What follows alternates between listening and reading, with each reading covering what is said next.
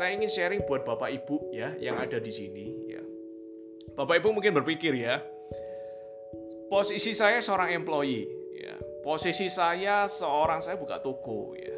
Saya udah ada kerjaan ya. Kenapa kok saya harus ya harus cari income di tempat lain lagi, income di luar lagi Bapak Ibu. Nah, saya pribadi juga seperti itu. Saya seorang pengusaha, udah punya bisnis Bapak Ibu ya. Sebenarnya kalau jujur ya, jujur.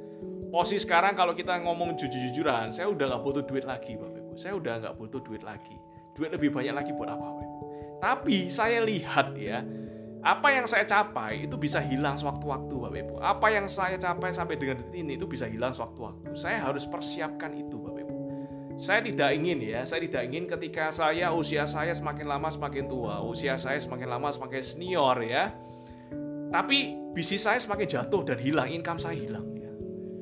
Ada pepatah yang mengatakan bahwa kalau kamu ya, kalau kamu lahir di keluarga miskin ya, lahir di keluarga miskin, itu bukan salah kamu ya. Jadi kalau kamu lahir miskin itu bukan salah kamu ya. Tapi kalau kamu mati miskin ya, kalau kamu mati miskin itu adalah salah kamu ya. Dan itu benar-benar membekas Bapak Ibu ya. Jadi di suatu seminar ada orang bilang gitu, saya pikir Bapak Ibu. Oke, saya lahir dulu di keluarga miskin ya.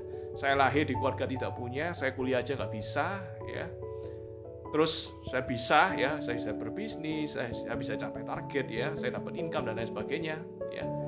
Lalu apakah itu menjamin ketika nanti ya, ketika nanti saya udah senior, saya udah tua ya kan, apakah itu menjamin ketika nanti di akhir hidup saya saya tetap bisa ya dengan keadaan finansial sekarang tidak menyusahkan anak cucu saya tidak menyusahkan keluarga saya belum tentu jawabannya adalah belum tentu oleh karena itu ketika ada waktu luang ya saya akan mengerjakan ya bisnis di luar bisnis saya ketika ada waktu luang saya menyisikan waktu setiap hari satu dua jam ya kan untuk mengerjakan ini bapak ibu saya menyisikan tiap harinya bapak ibu saya tidak peduli ketika itu waktu saya lagi capek, saya tidak peduli waktu itu saya sampai malam. No way, Bapak Ibu. Kenapa?